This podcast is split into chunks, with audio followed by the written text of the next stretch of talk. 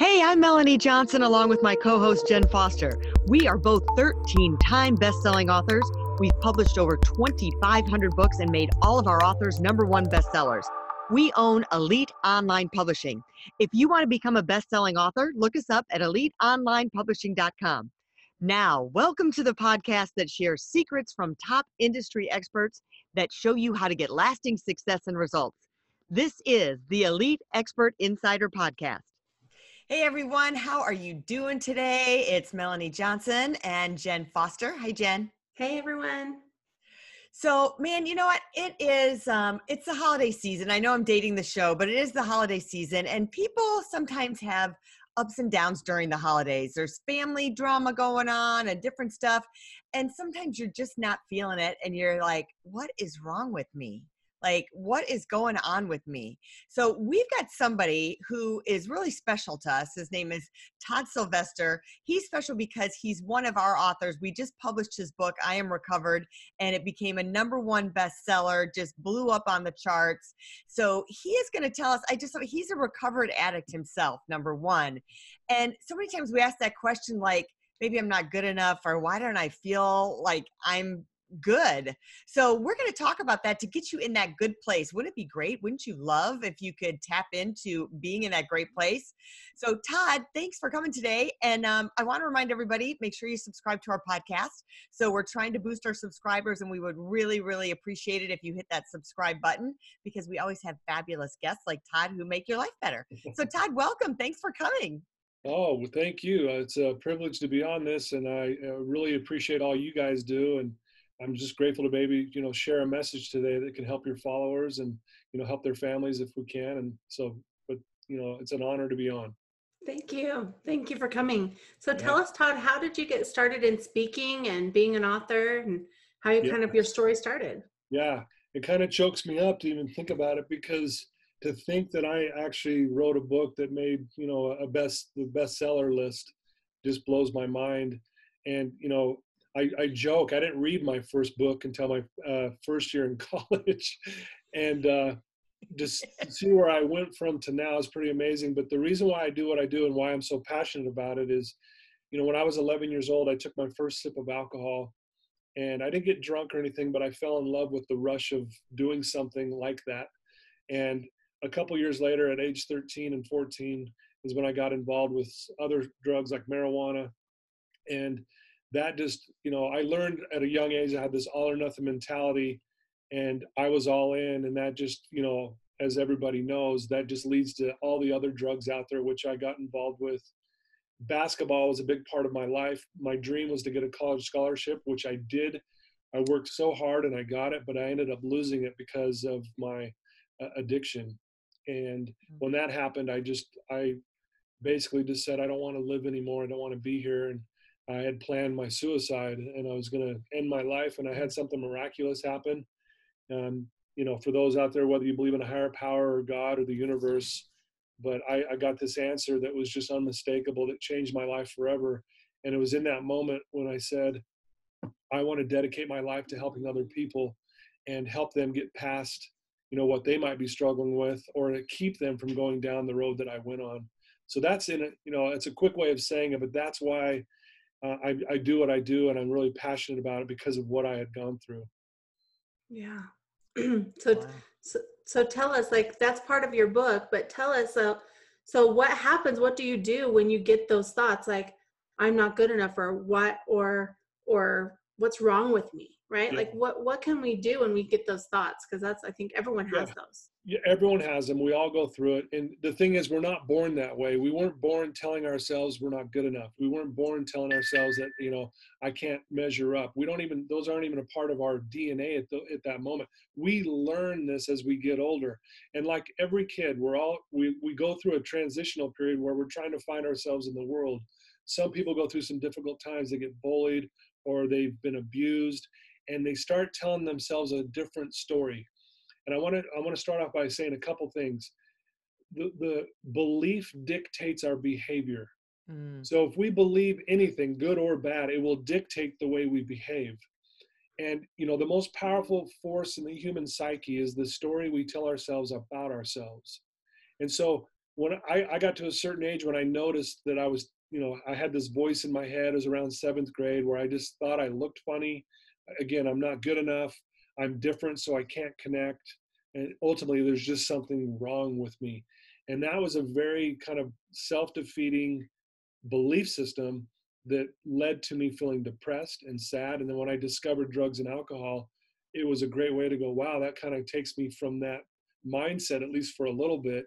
And, um, but that fueled that. But so anyone who's listening to this can relate. You all have this voice in your head at times that tells you that you're no good, you'll never measure up, you can't do it. I mean, I used to think there's no way I could write a book, let alone be a bestseller. I mean, and here we are. It blows my mind, but it proves the power of belief because I put it out there. I'm saying I can do these kind of things. And so, what we have to do is we have to learn to tell ourselves a different story. And that takes effort. It takes sometimes blood, sweat, and tears because I told myself for years and years and years that I wasn't good enough. And to just suddenly change that, it doesn't happen that way. But what mm. you do is you recognize the thought that you're having or the story, you then objectify it and you call it something other than you. That's not me. I wasn't born that way, right? And I actually call that voice the bully. Mm-hmm. and so I'll label that any negative thought, there's the bully, there it is. And it just helps me separate from that thought because I'm not that thought. And then I tell myself the opposite and add my name. So, for instance, when the thought comes in, I'm not good enough, I would say, oh, there it is. There's that bully. And then I say, Todd, you know, I taught him powerful beyond measure, or I taught him a masterful creator. And I know people hear this and they go, oh, that sounds cute or whatever. But I'm telling you, when you really do it and you really start reshaping that self image by a different story, mm-hmm. it changes everything. Because again, belief dictates our behavior. Yes. And there's so much power in those words, whether you're saying it out loud or in your mind. Right. Absolutely. You know, and you know, the words that follow I am will follow you. So if you're constantly telling you I am no good, I am stupid, I am not pretty, I'm whatever, that will follow you. And and then you wonder why you're sad and depressed a lot of times. It's because of that story. And that story seems real to you. I'm, I'm not trying to minimize it. It doesn't feel real to the person who's struggling with it.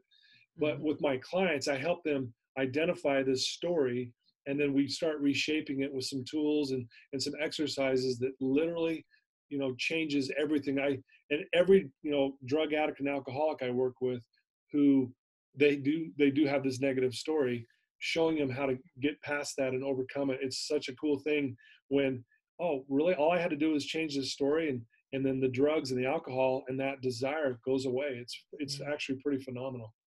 Is there a piece of this where um forgiveness comes in? And i mean forgiveness of yourself. Sure. So i think a lot of times like they're they're telling you the story but then you can change the story but then you haven't forgiven yourself for the person that you were. How do they overcome that yeah that's a that's a great question melanie um, most people i deal with including myself when i was going through it we feel a lot of shame mm-hmm. and and you know there's guilt and shame and it's really what i'd like to say is there's a huge difference between guilt and shame guilt is I've done something wrong and I shouldn't do again. I had this feeling of that was wrong.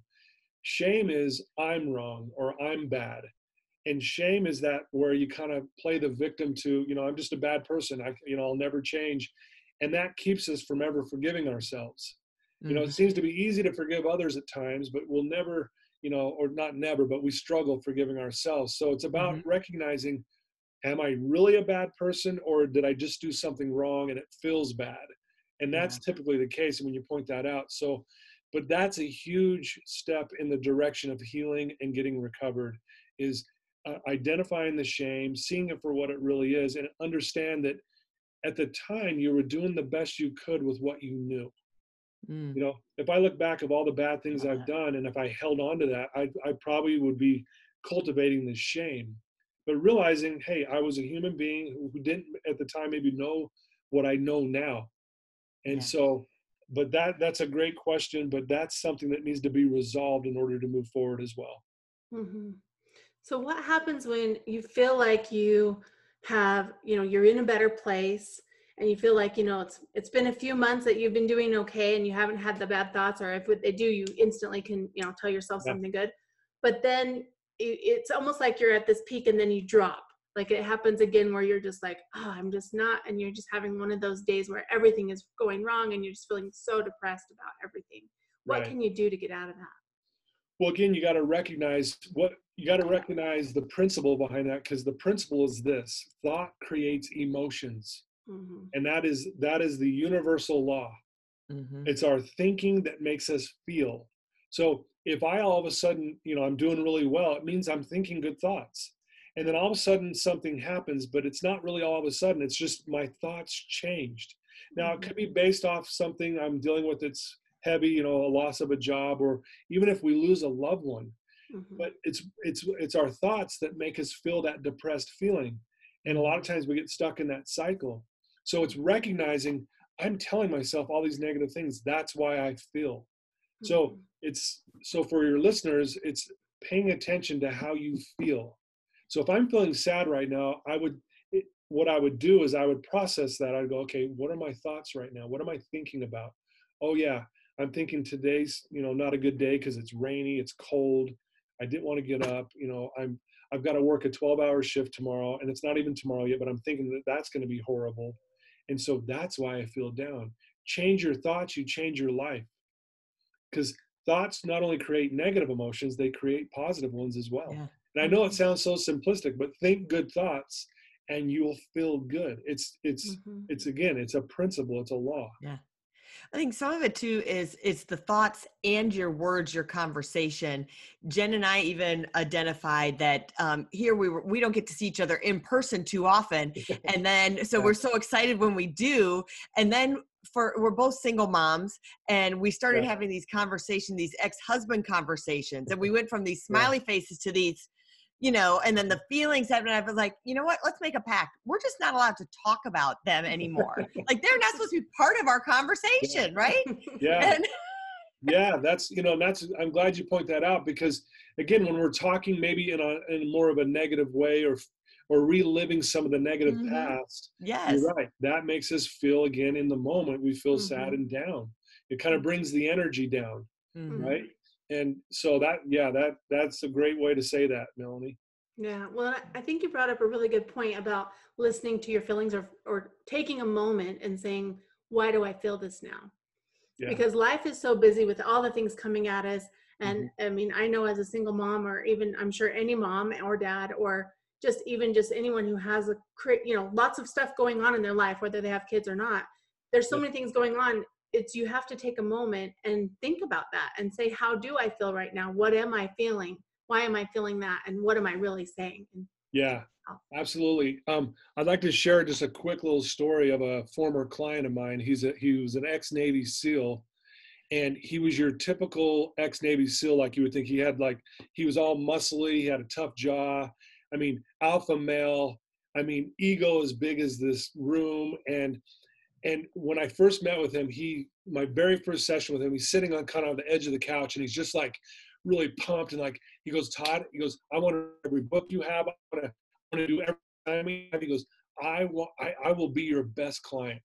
And I believed him when he was saying this. And then he goes, I am willing to do anything. And I said, okay, you're willing to do anything? And he said, yeah. And I said, outside my window in my office, you can see this little teeny pond